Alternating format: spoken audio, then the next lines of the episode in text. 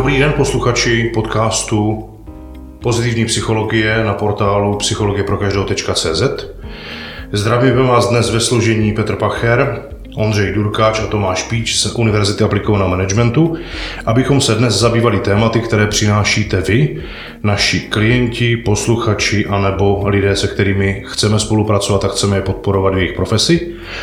Krátce o mě, moje jméno je Petr Pacher, Zabývám se psychologií, ze které jsem vlastně přešel na trénování lidí zaměřených v profesi, na profesní vzdělávání, tak aby v jejich eh, pracovních životech, v pracovních rolích, aby jim to fungovalo lépe.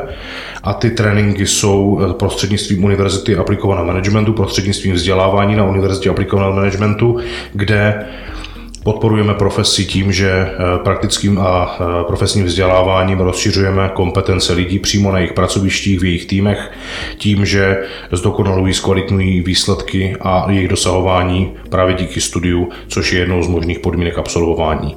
Pánové, zkuste, nebo neskuste, představte prosím i sebe. Moje jméno je Ondřej Durkáč, jsem obchodním zástupcem na Univerzitě aplikovaného managementu, zároveň jsem součástí vlastně konference, kterou univerzita pořádá a mým úkolem je samozřejmě zánět uchazeče po studium a případné partnery na konferenci. Já zdravím, moje jméno je Píč Tomáš a jsem obchodním zástupcem tady na Univerzitě aplikovaného managementu a mým úkolem je zkrátka schánět nové posluchače do studia. Skvěle. A dnešním tématem, eh, nebo dnešní téma, které bychom chtěli rozebrat, je téma Nemám čas.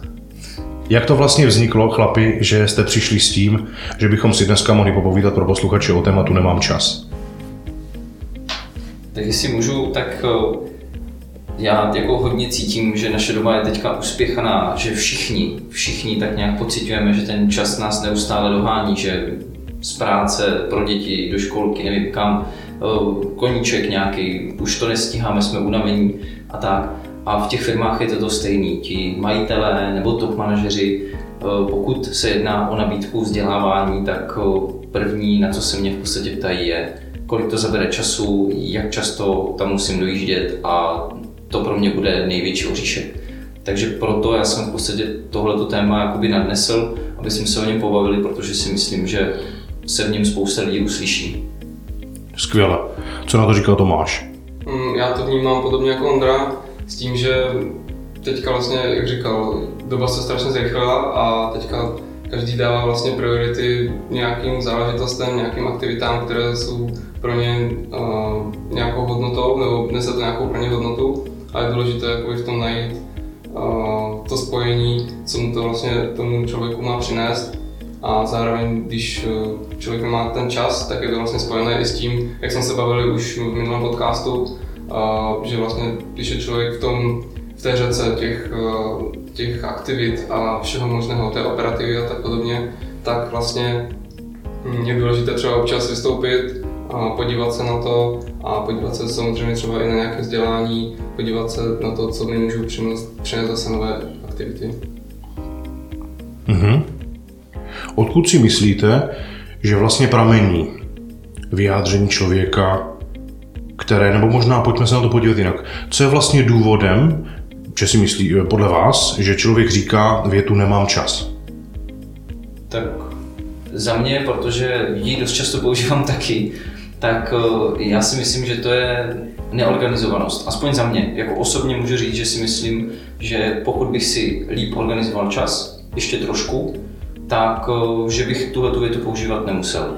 Jo, to znamená plánovat, opravdu vědět dopředu, jako jasně, že mám naplánované schůzky, to je jasný, ale opravdu si ty schůzky vést tak, jak já potřebuju, dodržovat časový rámec, který jsem si řekl, a prostě opravdu plánovat dopředu ne dva dny, ale týden a, a opravdu to mít rozvržený a hlavně to dodržovat. Ta disciplína tam bude hrát nezaměnitelnou a velice důležitou roli. Takže toliko za mě. Mm-hmm. Já si myslím, že nemám čas, jako znamená, že člověk jakoby nemá, nebo nebere tu zodpovědnost za to uh, vzít si to rozhodnutí jako sám za sebe a zkrátka to rozhodnutí dám někam jinam. Jo, že kdybych řekl, že nemám čas a dám jako k tomu nějaký důvod, ale třeba většinou ten důvod je jako trochu plitký a tak. A teďka ještě záleží na tom, v jaké intonaci třeba člověk to nemám čas jako řekne. Pokud je to uh, hodně negativní, tak zkrátka ta věc, na kterou on říká vlastně, že nemá čas, tak uh, já v tom vidím jako to, že nenese tu hodnotu, kterou by to mělo uh, přinést tomu člověku, nebo zkrátka on tu hodnotu v tom nevidí, protože ten, kdo mu to prezentoval, tak tu hodnotu v tom třeba ani nepřinesl. A zároveň taky uh, on musí vlastně vidět, že mu to třeba něco přinese, nebo zkrátka nevidí tam tu hodnotu a to je pak jakoby nejčastější si myslím jako odpověď, že nemám čas, protože mě to jako nezajímá. Takhle bych to viděl. Mhm, takže bychom mohli říct, že to je synonymum nebo významově stejné tvrzení, které ale ve skutečnosti není prezentováno tak, jak to cítí. Takže kdyby třeba řekl, hele, mě to vlastně vůbec nezajímá, tak to vlastně vyjadřuje stav, kdy on v negativismu popírá to, že na něco má čas. Ale to, že někdo nemá čas, může vlastně prohlásit i třeba v radosti. A vyjadřuje k tomu vlastně jiný vztah. Chápu to takhle správně, Tomáš, jak jste to myslel? Ano, já teda nejvíc zkušeností mám s tím, že ten člověk jakoby v té negativní části, že nemám čas, nezajímám se, ale jako ještě jsem se nesetkal s tím, že by byl jako někdo jako natěšený, měl radost a tak a říkal by, že nemá čas. Mm, je to možné s tím, že má tolik aktivit, že prostě se tam nevyjde. Otázka je potom, co přijde za tímto slovním spojením, jestli řekne, nemám čas, protože jdu něco dělat. To je potom jako adekvátní odpověď, ale pokud je to jako, že nemám čas a je tam zatím jako nějaká třeba ne výmluva, ale něco, čím se to jako zakryje, ta pravá námitka nebo ten pravý, ten pravý důvod, proč tam vlastně často není. Mm-hmm. To mi evokuje teďka jeden případ. Já jsem nedávno zažil situaci, kdy jsem potkal známého a opravdu jsem v tu chvíli neměl prostor, ani jsem tomu nechtěl dát tu prioritu, s ním strávit čas, ale dlouho jsem se s ním neviděl, ale bylo pro mě příjemné ho vidět, protože nedávno, ještě předtím, než jsem ho viděl, tak jsem na něj vlastně myslel a s jiným známým jsem se o něm bavil. Tak jsem k němu přicházel, říkám, nazdar, jsem hrozně rád, že tě vidím. Nedávno jsem na tebe myslel a s jiným člověkem jsem se o tebe bavil, nechci ty záměrně být konkrétní. Ale nezlob se, nestihnu ti podat nic víc než ruku, protože teď utíkám. A vůbec jsem to neříkal v negativismu, protože jsem se jednoznačně rozhodl, zcela jednoznačně si určil tu prioritu, že byť ho vidím rád, tak teď se mu prostě věnovat nebudu, nechci. A není to o tom, že bych odmítal to setkání, ale teď v tuhle chvíli se věnuju prioritním jiným věcem, ale třeba já osobně, když se mě teď někdo zeptá, v této době, kterou si myslím, že bych mohl sám za sebe označit jako, že je velmi vypjatá různým množstvím příležitostí, aktivit a činností, které mě zabírají můj čas v té produktivní době, třeba v tom diáři, tak já se teď skutečně eh, vůbec netajím tvrzením, že říkám, hele, je to teďka velmi hektické, ale je to v pořádku, protože jsem se pro to rozhodl. A to, že teď v dané chvíli si velmi vybírám, čemu budu věnovat svoji pozornost a svůj čas, je v pořádku, protože jsem se proto rozhodl a mám k tomu důvod.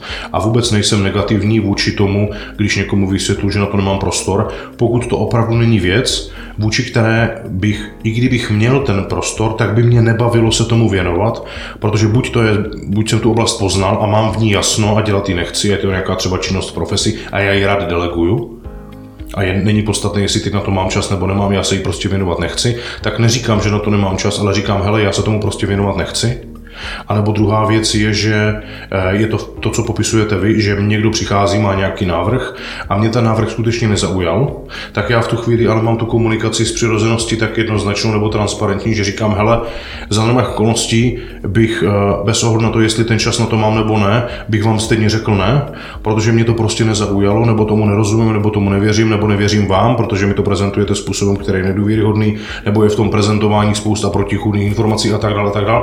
A v tu chvíli se jako vymezuju negativně vůči tomu, že i kdybych ten čas měl, tak je to pro mě zbytečné tímto směrem investovat, protože mě nepřesvědčila vlastně celá ta oblast, která mě nebudí pocitem bezpečí.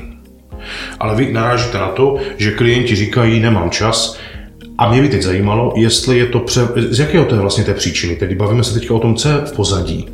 Je tam ta neochota, nepřesvědčivost nebo nedůvěra vůči tomu, o čem mluvíte, anebo je tam jeho neorganizovanost, že by vlastně, i kdyby ten čas měl, tak by ho stejně vyplnil něčím, co není úplně pod kontrolou organizované, takže vlastně fenomén nebo vyjádření nemám čas je vlastně pro lidi, kteří nerozhodují o svých prioritách, typický, ať už toho je moc, nebo není, protože vždycky si najdou někde nějakou oblast, kde toho je moc. Víte, jak to myslím?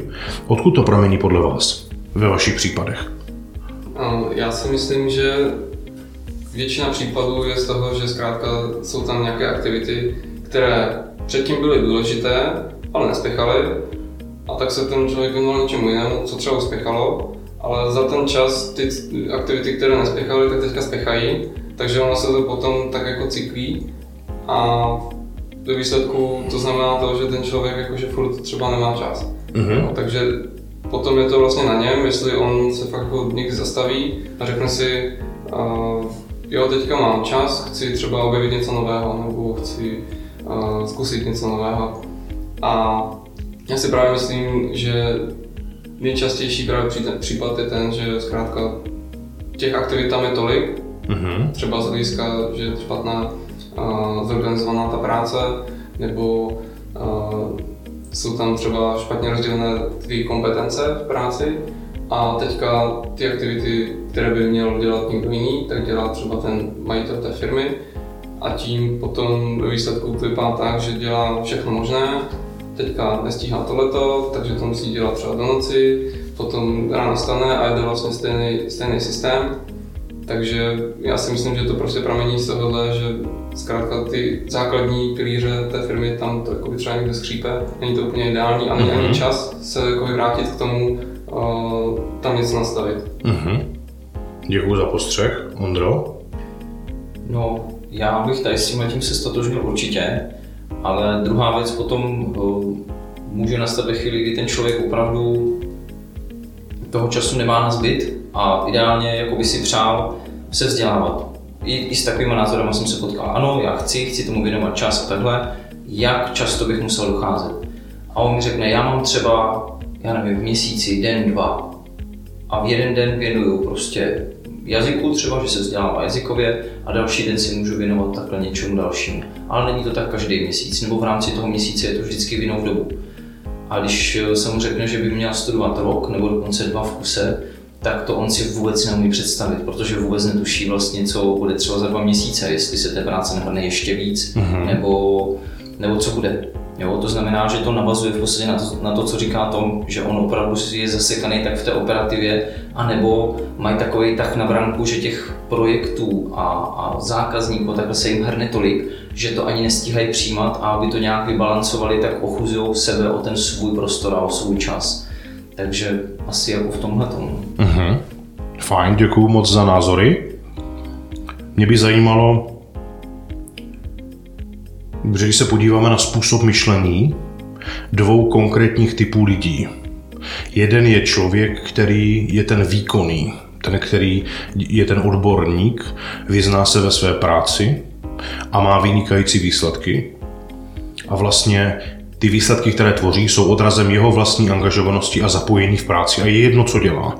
Jestli to je personalista, účetní, obchodník, to je úplně jedno, jakákoliv profese to je, tak v tu chvíli on je ten odborník a výsledky jsou, je-li zapojen do té odborné činnosti, dělá-li ji, tak má výsledky. To je, řekněme tomu, role jedna, odborník. Role dvě je manažer. Ten, který tam je proto, nebo jehož smysl je, aby učil lidi být těmi, kteří mají výsledky jako odborníci. Říkám to srozumitelně? Mm-hmm. Super. A podívejme se na tyto dvě role.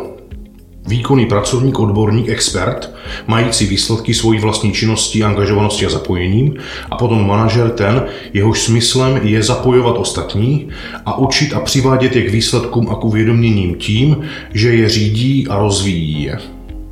Když se podíváme na tyto dva a velmi zřetelně a jednoznačně tyto dvě role oddělíme, tak mně z toho vyplývá, že jsou-li lidé jako fyzická bytost, entita, jako já třeba Petr Pacher, který, krom, který má tyto dvě role, tak největším mým selháním v dané chvíli je, že si myslím, že dělám manažera, ale přitom dělám toho kvalifikovaného odborníka.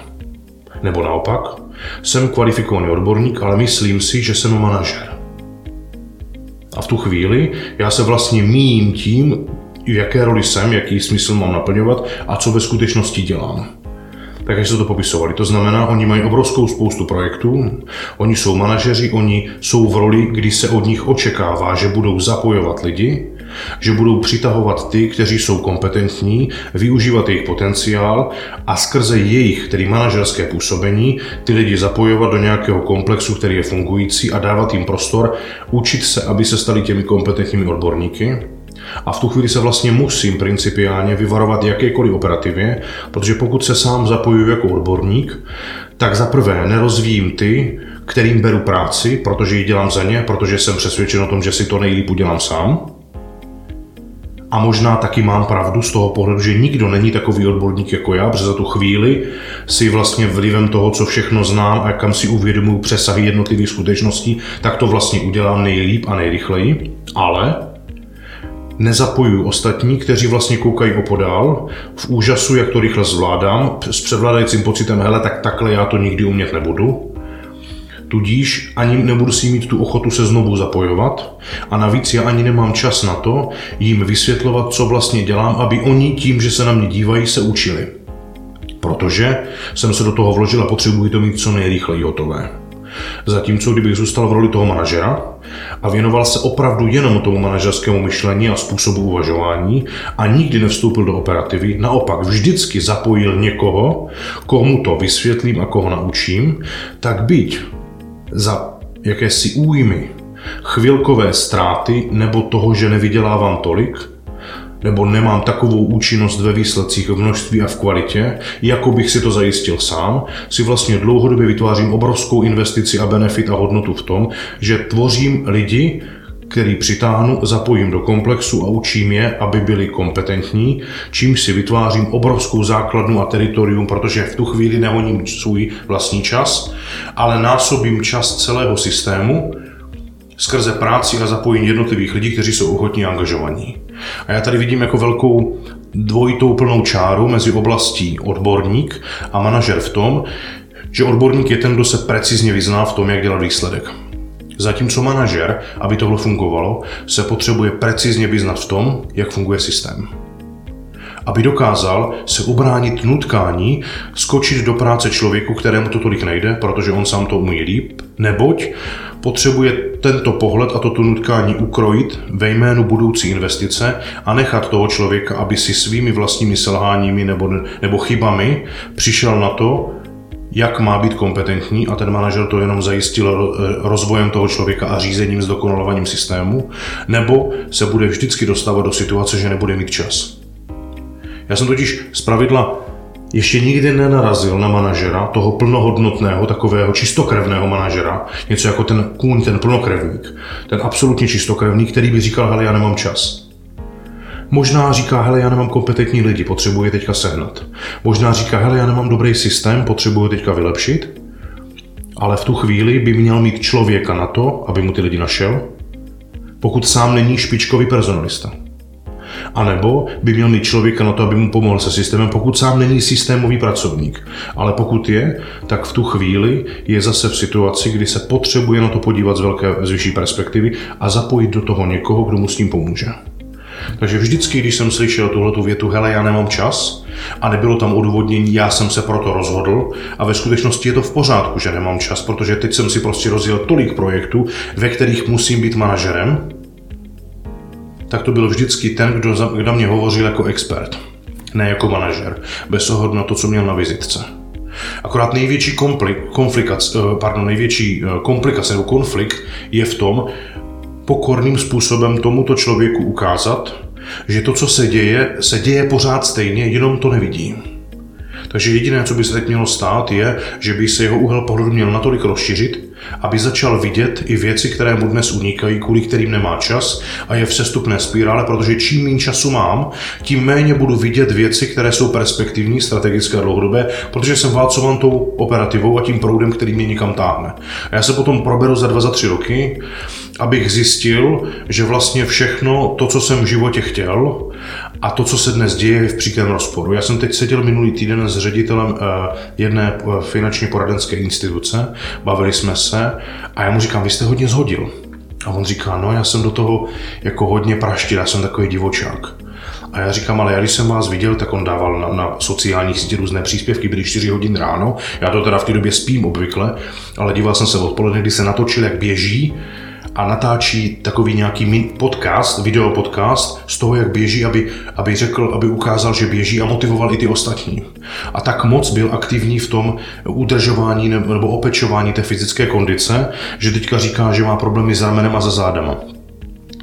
A já mu říkám, a to jste chtěl? A on najednou, no tak tyhle ty problémy jsem jako nechtěl. A teď říká, že za dneska odpoledne bylo doktora nechat si píchnout injekci jak až moc asi ty problémy s těma zádama mu dneska vlastně ohrožují tu jinou oblast. Že když člověk rychle zhodí, tak ten tuk, který obaluje ty různé nervové místa, tak najednou mizí a teď najednou ty nervy jsou volné, teď se to tam celý klepe. Já mám kamaráda, který mu se tohle stalo, on se jednou ráno chtěl vzbudit, teda vzbudil se, chtěl vstát z postele nemohl chodit. A způsobil si, tím jenom, způsobil si tento stav jenom tím, že půl roku, jak chtěl moc zhodit, tak jedl jenom kysaný zelí a prokladal to samozřejmě čas od času něčím jiným, ale půl roku žral kysaný zelí. Já už jenom ten pocit, když to jako jím jeden večer, tak si říkám, je to zajímavý, ale dost, stačilo to. A on tak moc hodil, že se mu uvolnil eh, to, to tukový, ten tukový obal z eh, nervů eh, od páteře, že vlastně jednou byl večer na bowlingu a tak si s tím nějak pohl, že to skřípl a půl roku nechodil přes rehabilitace. Teď nechci odbočovat, ale chci tím říct, že vlastně až ten následek, ten náraz, člověka možná vede k tomu uvědomění, jestli to teda vlastně bylo to, co chtěl, ale v tu chvíli jediné, co už může prohlásit je, no byla to dobrá zkušenost, a teď to říkám jenom z toho pohledu, že to opravdu připustí jako zkušenost, že to neříká jako způsob potlačení nebo kompenzace, no co už s tím, tak aspoň o tom řeknu, že to byla dobrá zkušenost, ale opravdu to extrahuje jako zkušenost. Ale on se tomu mohl vyvarovat. Nicméně Řekl si, přes operativu nevidím, nemám čas, tak se nebudu věnovat ani tomu, abych se podíval, kam to vlastně směřuje. Co vy na to? No jako smysl svůj to dává. Já si teďka jako nedokážu úplně vybavit konkrétní příklad, kdybych to viděl fakt jako čistě biznisově, že bych to viděl v té firmě takhle. Ale, ale jako určitě spousta, spousta lidí i kolem mě, jako mých kamarádů a takhle, se taky pro něco natchne a ne úplně domýšlí důsledky, vezmou to jako, pojmou to za svoje, což je skvělý, natchnou se pro to doplna, což je skvělý. Na druhou stranu potom po dvou, třech letech, kdy takhle fungují, tak vidím, že nějakou chvíli je to obohatilo a pak, pak to zase jako spadlo, že najednou nevěděli, co a jak dál a, a kam je to vlastně směřuje a, a že vlastně dosáhli nějaké úrovně a teď ta další už jim není pohodlná. Takže co s tím budu teď dělat?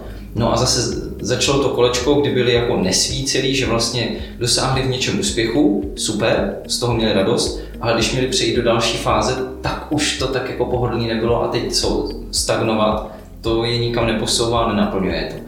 A podle mě tohle je jakoby další věc, eh, další věc v těch firmách, že dost často ti vedoucí pracovníci jsou na nějaké úrovni, nový a nový projekty a problémy je neustále posouvají k něčemu novému, takže oni ten hlad neustále jako plní, takže to je dobrý, ale potom opravdu dosáhnou toho, že s většinou problémů si poradí jako nic a potom nastane ta stagnace a řeknu si, ty, tak já toho mám hrozně moc, problémy tak nějak pinkám nebo je deleguju dobrý, ale jako nemám čas na nic. Uh-huh. Nemám čas na sebe. Když Jasně. se podívat do zrcadla, tak si řeknu, tyjo, já jsem tady zasekaný ve všem. Prostě a lidi na mě měsíce obdivují, jak to všechno zvládám a tak, ale já chodím spát v 11 večer, mám oči jak suva, do jedné neusnu, budím se v pět, jdu si teda zaběhat, abych pro sebe něco udělal, ale v té práci jsem potom jako, dostanu se zase do toho rauše, ale, ale nemám z toho potěšení, takže... Uh-huh. Já to vnímám podobně. No. Člověk zkrátka vždycky musí obětovat něco, co má ten přiřazený čas. Jo, že, jak říkal Ondra, a pokud jde člověk spát v 11, tak je to ještě dobrý, ale když usne až v jednu hodinu, tak už je to třeba špatný. A pak třeba chce ještě něco dělat pro sebe, tak stane brzo, má 4 hodiny spánku, a když to opakuje, má spánkový deficit a potom to akorát dojde k tomu, že nemá ani prostor se nějakým způsobem regenerovat, jak třeba psychicky, tak i fyzicky, protože že chybí ten spánek a psychicky, protože furt má nějaké myšlenky, a jakmile vlastně stane, tak se hnedka zapne a jde do toho, když tam třeba má nějaký ten trénink, kde na chvíli vypne, tak stejně si myslím, že i při tom tréninku přemýšlí nad tím, co bude vlastně dělat potom a aby to vůbec jako stíhal, čím jako začít a tak. A myslím si, že jako zásadní problém je v tom, že máte zkrátka 24 hodin a teďka jako na vás, jak se tam nasázíte, abyste uh, měli ty výsledky, které vlastně jsou požadované nebo které jsou očekávané a teďka, když chcete se věnovat vlastně i sobě, tak prostě tam z těch aktivit, kterých je tam takové množství, tak tam prostě začnete sobě ubírat a pak to vede k tomu, že není, vlastně není čas a furt se to jako začíná, takže já to vidím zkrátka jako on si myslím. Uh-huh. Já řeknu jeden příklad. Jeden příklad za všechny. Ve skutečnosti si ani nedokážu teďka vybavit, kde všude ten fenomén, který teď popíšu, se vyskytoval akorát v drobnějných obměnách. Ale představte si firmu, kterou vzděláváme, a ta firma je typická tím, že má vedení, u kterého je problém, aby se setkali. Když už se náhodou podaří, že se setkají, tak přichází a každý má tolik témat, které v sobě řeší a vlastně i když od někud přišli na místo, kde bychom společně měli řešit strategii fungování firmy, tak najednou je pořád prostor Eh, ten mentální, který jim bere úkol, aktivita, kterou vlastně si od někud ještě přinesli, anebo už vlastně za chvíli, byť na tom jednání sedí, tak už jsou potřeba někde jinde, tak sedí a popíší do počítače. Několikrát se mi stalo, že jeden z těch, ten, z těch tří klíčových lidí, ten hlavní, vlastně mu zvoní telefon a já říkám, zvoní vám telefon. A on, ježiš, to je telekonference, musíme někde teďka být na telekonferenci, počkejte, já se tam jenom připojím, dá si headset do ucha a vlastně říká, hele, to je normální telekonference, kde třeba 20-30 lidí a obvykle ty telekonference bývají jakoby typicky v těchto časech, v těchto složeních a vlastně se nic nedozvíme, takže já jenom kdyby náhodou něco, tak to mám v uchu a kdyby něco, tak eh, se odpojím třeba, třeba nebo něco. A jednou se stalo, že v dané chvíli bylo evidentní, když my se bavíme jako majitele, tak on nebo ti, kteří chtějí v jejich firmě strategicky nastavit lepší fungování, lepší výsledky, tak najednou bylo vidět, jak on mává rukou a pravděpodobně v tu chvíli ta telekonference probíhala a někdo se tam o té firmě zmínil a k něčemu je vyzval, tak on rychle musel vypnout telefon, jakože je problém s připojením, vzal toho druhého, který tam byl, aby se zapojili do té telekonference, takže to je typická situace, kdy Oni chtějí tu firmu, aby fungovala. Začala z malého kolektivu, kde si ještě stíhali říct všechno, co bylo nezbytné pro to, aby mohli fungovat a mít výsledky. Jak se ten kolektiv začal, kolektiv začal rozrůstat, tak už najednou přestal být čas na to věnovat pozornost a prostor těm klíčovým věcem, to znamená říkat, proč to vlastně děláme, k čemu to je, jaké to má přesahy, aby všichni byli informovaní. Řadou tě v té firmě není pět lidí sedících u jednoho kancelářského velkého stolu nebo v jedné kanceláři, najednou jich je tam 20, 30, 50 a už to nestíháme, už jako majitelé jsme některé lidi ani neviděli nebo jenom možná úkosem pohledu nebo nějakým koutkem oka někde, protože už se věnujeme spoustě jiných věcí, ale ta firma pořád nebo organizace tyto věci potřebuje, aby každý věděl, proč tam je, jaké jsou hodnoty, jaký je smysl, jaký má tvořit výsledek a tak dál, ale na to se nemyslelo. Protože logicky ta firma expandovala ne na tom, že přemýšlí nad tím, jak funguje systém, ale na tom, že dodává to, co zákazníci chtějí. Takže ten majitel principiálně vždycky bude chtít, nebo ten představitel, dělejte to, co přináší, je to korporace, tedy firma za účelem zisku, dělejte to, co přináší největší zisk a ostatní věci budeme doplňovat podle potřeby, tak, jak to bude nezbytné. Protože zisk je ten klíč. Ale ono to funguje do doby, dokud je to ještě zvladatelné a ukomunikovatelné, ale najednou je tam taková drobná pauza, která se v ekonomice ale neprojeví hned, nýbrž třeba i někdy měsíce nebo roky potom, že se přehoupli přes to místo, kde bylo potřeba už zapojit systém, protože už nebylo potřeba odborníků jenom, kteří dodávají to, za co klient platí, protože to potřebuje, ale bylo potřeba i někoho, kdo tam tvoří ten systém, aby to činil metodické, předatelné a uchopitelné kýmkoliv, aby se ten, kdo tam v té firmě je, mohl stát i postradatelným a najednou ty lidi začnou hrát hry. Třeba konkrétně v této firmě je to typická hra jednoho pracovníka, který je ve vedení, v nižším vedení a ten se činí nepostradatelným tím, že nic o sobě neříká.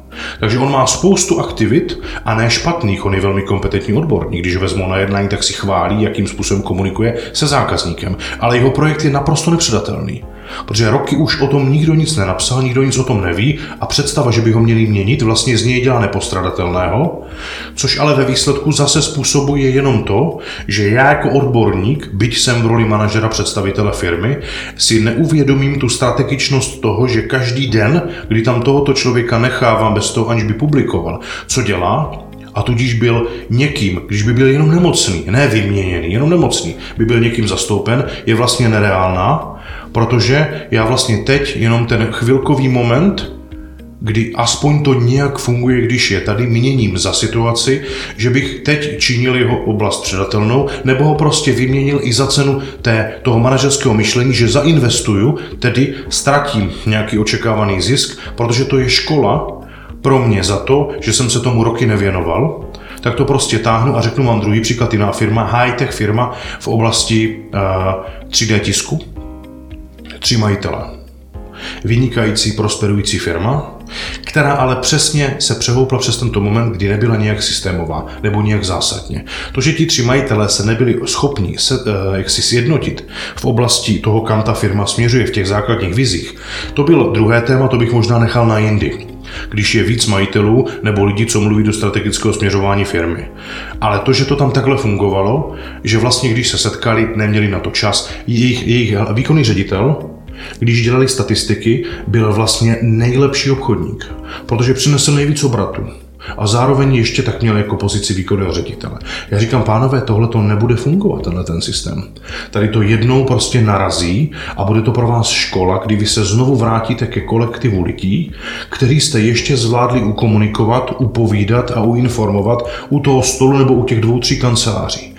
A oni na to vůbec nedbali. Oni, když jsem se s nimi bavil, tak říkali, no to, co říkáte, je logické, dává to smysl, pojďme to zavést, ale ve skutečnosti jenom od nás dostávali typy, my jsme tam dělali průzkum, my jsme tam dělali poměrně komplexní výzkumné šetření o potřebách lidí a ty lidi byli velmi kompetentní. Oni nejdřív mysleli, že ty odpovědi těch lidí budou vágní, ale oni byli opravdu seriózní. Ti lidi volali po větším systému, po větší informovanosti. To, co my jsme tam označili jako problém, který se může zřetězit a explodovat za nějakou chvíli, tak ty lidi říkali, my už to tady říkáme roky, ale my už ani nevěříme tomu, že vaše výzkum, výzkumné nebo dotazovací šetření, které proběhne, bude mít nějaký dopad, protože už jich tady několik bylo, odpovědi byly stejné, ale řešení žádné tak jsme stejně udělali i to a pořád jsme s nimi byli v kontaktu a chtěli jsme jako mm, rozpustit tu jejich rezistenci a s tím, že říct, podívejte se, my máme dvě možnosti.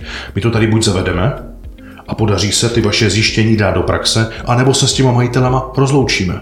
Jiná varianta nebude, my tady nebudeme parazitovat a dodávat něco, co stejně nemá funkci. A skončilo to tak, že jsme se s ním rozloučili. Já jsem se s ním s jedním potkal, a on si mě zavolal a říká, viděli jsme se na jedné akci z okolností, to byla minulá, minulá konference, tak si mě o přestávce zavolal a pane, pane doktore, znáte novinky? Já říkám, no tak něco jsem slyšel, protože oni mají nějaké pobočky po republice a jsou fakt jako high-tech zařízení. A já říkám, tak jeden člověk od vás odešel tam na pobočky a oni, no to by ještě šlo, ale my už nejsme tři majitele, my jsme dva. A ten třetí, co odešel, tak to byl obchodní šéf, tak on tak nějak odešel vlastně i z know-how, i z technologií a asi si vzal i naše nějaký zákazníky. No a oni jsou prostě v té situaci, o kterou jsem popisoval. Rozkmotření na úrovni vlastníků, Riziko, které opravdu je poměrně zásadní, takže jeden z nich odešel. Pozor, založil si vlastní firmu Praze, konkurenci této a za tu dobu, já jsem se s ním přednedávnem slyšel, protože pro syna chtěl nějakou psychologickou péči, tak jsem se ptal, jak se mu daří a on říkal, mi se daří líp, než jsem byl s nima. A ta doba, od které on byl sám, vzhledem k tomu, jak dlouho byl v té původní firmě, byla desetinová a už se mu dařilo líp než té firmě, ve které fungoval. A tohle všechno znamená a vyplývá z toho, že vůbec nedbají na to, jakou mají roli, jaké mají zastávat kompetence, jaké mají dosahovat výsledky, jaký mají být pro lidi ve firmě. A tohle byla věc, kterou jsem predikoval, ne že bych jim řekl, pánové, tohle je problém za půl roku. Vůbec ne, jsem očekával, že to přijde, ještě možná třeba dva, tři roky vydrží, ale znásobil to, zakceleroval to ten stav, kdy nebyli ve shodě ani jako tři osoby. Takže tak možná krátká ilustrační vsuvka. Pojďme to něčím zakončit. Co byste doporučili lidem, kteří jsou v této situaci a tohle od nich slyšíte? Nemám čas. Tak já si myslím, že no já už jsem to vlastně říkal i na začátku, nebo i vlastně v tom minulém podcastu jste to zmiňoval, eh, vystoupit zkrátka z té řeky a být otevřený jako novým změnám, novým informacím Ono, jako je to těžké, já tomu věřím, že je těžký poslouchat někoho, kdo v té firmě třeba nikdy nebyl, ale ten, v ten moment vlastně ten člověk, který tam třeba nikdy nebyl nebo má už nějaký průzkum, tak vlastně se na to dívá úplně z jiného úhlu, toho pohledu a ten majitel té firmy třeba pokud je furt v té operativě a má tu pracovní slepotu, když to tak nazvu, tak si myslím, že v tenhle moment by měl nejvíc jako slyšet, nebo nejvíc nastavit uši a pak si pak třeba jako sednout a zapřemýšlet nad tím, jestli opravdu to, co jako říkal, jestli se tak fakt jako reálně děje a klidně si to, tu firmu i projít a ptát se třeba i osobně, co je jako za problém a tak. A pak se jakoby nad tím zamyslet, udělat si tu pauzu, i když třeba něco hoří, tak to třeba někomu na chvíli delegovat, udělat si nevím, třeba půl dne čas, zapřemýšlet si nad tím a udělat toho nějaký výstup. A to si myslím, že potom může znamenat výsledku i to, že přivede nějakou novou změnu do té firmy a přinese to pak třeba nějaké lepší výsledky, nebo um, nebo je pak ta práce třeba tolik hektická, když třeba lepší výsledky nebudou, ale zlepší se uh, ta práce v té firmě, aby byla stabilnější, aby uh, byl prostor i na další aktivity. Díky. Má něco Ondřej? No já, jak jsem poslouchal ten váš konkrétní příklad a teďka Tomáše, tak uh, si myslím, že ten člověk by měl si uvědomit opravdu svoji roli. Jestli je opravdu ten odborník, anebo jestli je manažer. Pokud řekne, že jsem odborník, tak pak najít člověka, který mi zabezpečí to, že budu mít vlastně na čem se odborně podílet. Aby ten systém tam byl a abych já opravdu se mohl zabývat tím, co mě baví. A bez ohledu na to, jestli jsem majitel. A nebo jsem ten manažer s tím, že to své nutkání, jak jste říkal vy, pan Bachere, musím ho trošku potlačit, najít ten systém a krátkodobě třeba něco ztratit, ale aby ta firma mohla dlouhodobě fungovat dál, aby tam byl prostor na to hledat nové příležitosti, nové možnosti a taky prostor pro to, aby když vidím, že takhle třeba i tři lidi se nejsou schopni sejít, tak to prostě hodit na stůl jako jeden z problémů, který se musí vyřešit. Protože pak to může dopadnout tak, že nejenom, že mi odejde třeba i kamarád nebo partner, ale vlastně mi vrostla konkurence a vlastně já ztrácím to, co jsem si vybudoval. A i ty, když se budeme bavit i finančně, tak i ty příjmy, které jsem měl, protože jsem byl jednička na trhu, no tak najednou se snižují, protože už je tady někdo, kdo je třeba lepší nebo minimálně stejně dobrý a ví, jak ten biznis funguje. Takže ty lidi by měli přemýšlet hodně dlouhodobě, hodně do dálky a pak je to manažerský přístup. Pokud jsem odborník, tak teď aktuálně řeším to, abych něco vyvinul, abych něco vyrobil a tak dále, takže vidím dost krátkodobě. Ale pokud chci být opravdu majitel firmy, být úspěšný a mít tu firmu pod kontrolou a být fakt dobrý, tak musím být v té roli manažera, nejenom odborníka. Skvělý. Děkuji moc za ten doplněk. Já si teďka vybavuju eh, na jednu situaci, na jednoho klienta. Já když mluvím o tom, co jsem zažil v negativních souvislostech, tak nechci uvádět klienty ani jména firem, ale jednoho klienta musím uvést. Je to Michal Smetana z firmy Smero, takže jestli poslouchá, tak ho zdravím.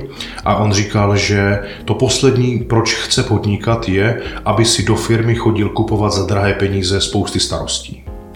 A to je velmi jasné prohlášení manažera, který má jasno v tom, že ví, proč to dělá, a nemá problém chvilku se teď stát někým, kdo, protože mu vypadl člověk, tak aby našel toho, který to může za něj dělat, tak pokud tam není systém, tak to sám potřebuje poznat, aby ten systém dokázal zmapovat, nebo s někým jiným zmapovat. To je daň za to, že člověk, který se v dané oblasti ne- nevyzná, tak to nemůže delegovat.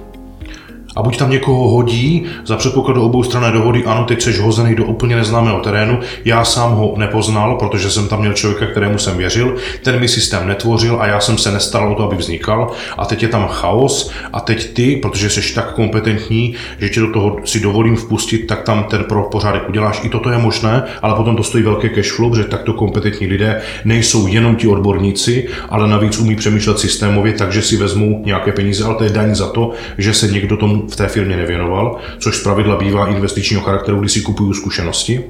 A nebo to tak prostě mám zmákle, že je-li tam někdo ve firmě a já jsem ten manažer, který ho nechává, aby a drenuju ho, vysávám ho o ty podklady, které jsou pro systém, aby to bylo předatelné, tak prostě ten člověk je postradatelný a ne, že bych ho chtěl vyměnit, ale prostě on je nemocný, tak to mám komu předat a netrpí to nebo ne tolik, a to je ten zdravý přístup a ten zdravý systém, který má fungovat. Protože ta nejhorší situace je, že ten systém nebo ta oblast je neprobádaná, ten člověk tam z pravidla ani nefunguje zdravě, protože pokud nefunguje systémově, tak výsledky, které tvoří, vlastně nejsou predikovatelné.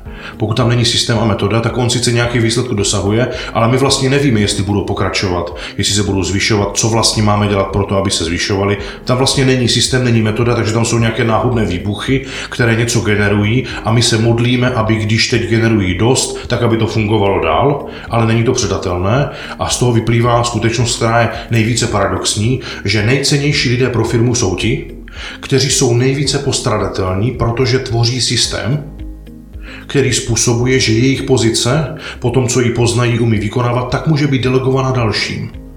A to jsou ti nejhodnotnější lidi pro firmu, což může být paradox v očích těch, kteří jsou na postu manažerů, ale jsou ve skutečnosti jenom odborníci. Já řeknu poslední příklad, je to tak dva roky, jedna velká brněnská strojírenská firma má pět majitelů.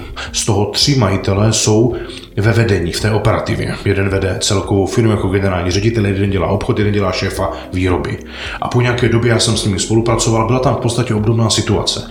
Já říkám, pánové, tak jak to teďka vedete, to, jak tady máte nastavené pravidla a jak hlavně vyžadujete jejich dodržování, aby byly výsledky, prostě není opakovatelné. Ta firma fungovala a prosperovala, to znamená, tyto témata se netýkají jenom firm v úpadku nebo těm, kterým se ne, nedaří. Naopak, těm, co se daří a rostou, tak oni mají pocit, že to je tím, že jsou kvalitní. Ve skutečnosti je to ekonomická situace prostředí a konjunktura, která dneska vytváří prostředí, že je přebytek zakázek a naopak nemáme lidi, aby je realizovali ale oni pojímají pocit, že to bylo u nich v pořádku, že to je tím, jak firma funguje uvnitř. A tak eh, když, jsme, když jsem přišel, začali jsme se bavit o tom, jestli by tam bylo potřeba něco zlepšit, tak jsme začali dělat jenom pár drobností. Na nich se ale ukázalo, že vevnitř to vůbec nefunguje a že je jenom otázka, až ten vnější, ty vnější pobídky z prostředí skončí, tak tu, v tu chvíli ta firma na tom nebude dobře.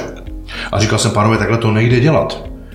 A prostě jsme tu spolupráci ukončili, protože já jsem v tom nechtěl pokračovat, nechtěl jsem vytvářet něco, co by vlastně ve skutečnosti nebylo zavedeno a skončilo někde v policii, protože na konci, až mi zaplatí a nebude ten výsledek, tak stejně poženou k odpovědnosti mě, nebude tam ta sebereflexe a řeknou, no jo, pane Pacher, my jsme si vlastně akorát vytvořili nějaký materiály, který stejně nepoužíváme, takže to je naše chyba. Oni řeknou, ne, ne, to je vaše chyba, my jsme vám zaplatili, tak jste jako odborník, když nám toto dodáváte, nás měl zastavit a třeba nepokračovat. A v tu chvíli, protože jsem tohle několikrát zažil, tak jsem si udělal vlastní pravidlo a prostě jsem nepokračoval. A byly dva roky asi eh, po tom, co jsme se takhle, takhle rozešli a přišel ten obchodní ředitel a říkal, je to soukromé jednání, můžu to považovat za eh, téma, který bude mezi náma. Říkám, jasně, pojďme do toho. A on říkal, hele, já jsem úplně v koncích. To, co vy jste popsal, tak se stalo to, co jste nepopsal a to, co jsme ani nečekali, tak je tady prostě kupa dalších řetězených problémů. Fakt jako průser v té firmě jako blázen. Ta firma samozřejmě expandovala dál, ale ty lidi a ty pocity a ty nálady a ty vztahy, ty tam prostě tak gradovaly, že už to nebylo vůbec k ustání. A on řekl, hele, já jsem to spočítal, já jsem jeden z majitelů, já mám obci na nějakou poměrně velkou částku, která mě má být vyplacena za tři roky. Já jsem si spočítal, že když bych teďka odešel, tak s tím, co umím, vím a jaké mám kontakty, a to, co jsem vytvořil, byl to obchodní šéf, čili měl kontakty na zákazníky, tak já asi za tři roky budu mít tak zhruba kolem třetiny až poloviny té částky, kterou bych měl jako obci, kdybych zůstal v této pozici. Ale on řekl, víte co, mě to je úplně jedno. Protože to, co já teďka zažívám v té firmě, mě nikdo penězi nevyplatí. To se nedá zaplatit za ty pocity, se kterými já odcházím z práce, co mě provází předtím, než jdu do práce a s jakou nechutí já se po víkendu vracím do tohoto bordelu. To mě nikdo nezaplatí. A skutečně ta situace byla tak vypjatá, že on vážně přemýšlel o tom, že to udělá a že ty peníze, přitom to byla, to byla sedminásobná částka, prosím vás. Pardon, šesti, šesti, ne, sedminásobná částka, ano, sedminásobná částka. Tak tam už nepřestal kalkulovat a řekl, hele, já, já to balím. Nakonec já jsem se s ním potom bavil, když jsem se s ním viděl v posilovně, tak tam tak neodešel a e, asi se mu to, co v těch, v těch, v těch emocích ventiloval, tak se mu asi rozležel v hlavě. Možná to, že o tom mluvil, způsobil, že se uvolnil a že si znovu vyprázdnil ten měchýř těch emocí, takže ještě pořád se mu teďka naplňuje ten nový. No, a to byla situace, která je jenom měla demonstrovat to, co se vlastně ve skutečnosti neustále odehrává s tématem vyměnit čas za peníze, protože toho času máme všichni jenom 24 hodin denně. Pokud někdo z nás není třeba na nějakých tranquilizačních látkách nebo někde v černé díře nebo někde tak, tak třeba den na Plutu trvá 56 dní zatímco den na Zemi trvá 24 hodin. Takže furt to máme stejně a je důležité uvědomit si, v které roli a který čas my používáme. Já si myslím, že dobrý lék by byl na to, kdybychom měli ten čas a chuť se aspoň 10 minut denně podívat na to zpětně, kolik času jsme v tom produktivním čase nebo v té produktivní době a v té neproduktivní, čemu jsme vlastně věnovali, ve jménu jakého výsledku, nebo jaké role, nebo ve jménu jakého smyslu. Myslím, že by spousta z nás dospěla k velmi zajímavým uvědoměním a zvlášť, kdyby to třeba měli konfrontovat ještě s ostatními. Protože to, že si nalistuju diář a tam si řeknu, no, dneska jsem to teda nemusel dělat takhle, dneska jsem to mohl udělat jinak, tak je něco jiného, než vzít ten diář, jít si sednout k tomu partnerovi v té roli takže třeba ke kolegovi a říct mu, hele, podívej se, co jsem dneska dělal, anebo vzít to k partnerovi životnímu a říct mu, hele, podívej se, co jsem dneska dělal, protože v momentě, kdy tam do toho zapojím i toho druhého člověka, tak to najednou má úplně jiný dopad. A to je důvod, proč u nás posluchači, třeba na univerzitě, mají velký výnos a zisk z toho, že se účastní, protože tady si kupují mimo jiné i čas, který tráví sami se sebou. Protože to je čas, kdy jim nikdo nevolá, kdy jim nikdy nikdo neotravuje, kdy tam sedí a jsou nuceni přemýšlet o tom, o čem my se tady bavíme, nejenom v tomto, ale v ostatních jiných podcastech. Děkuji moc za pozornost, přejeme vám všem posluchačům, abyste měli šanci přemýšlet o těch svých dnech, o těch svých rolích a o tom svém čase, aby se vám dařilo dělat rozhodnutí, která i když v dané chvíli nemusí být populární a příjemná, tak aby byly dlouhodobě ve strategickém pohledu účinná a efektivní. Mějte se hezky a těšíme se na slyšenou. Hezký den. Mějte čas na všechno, mějte se.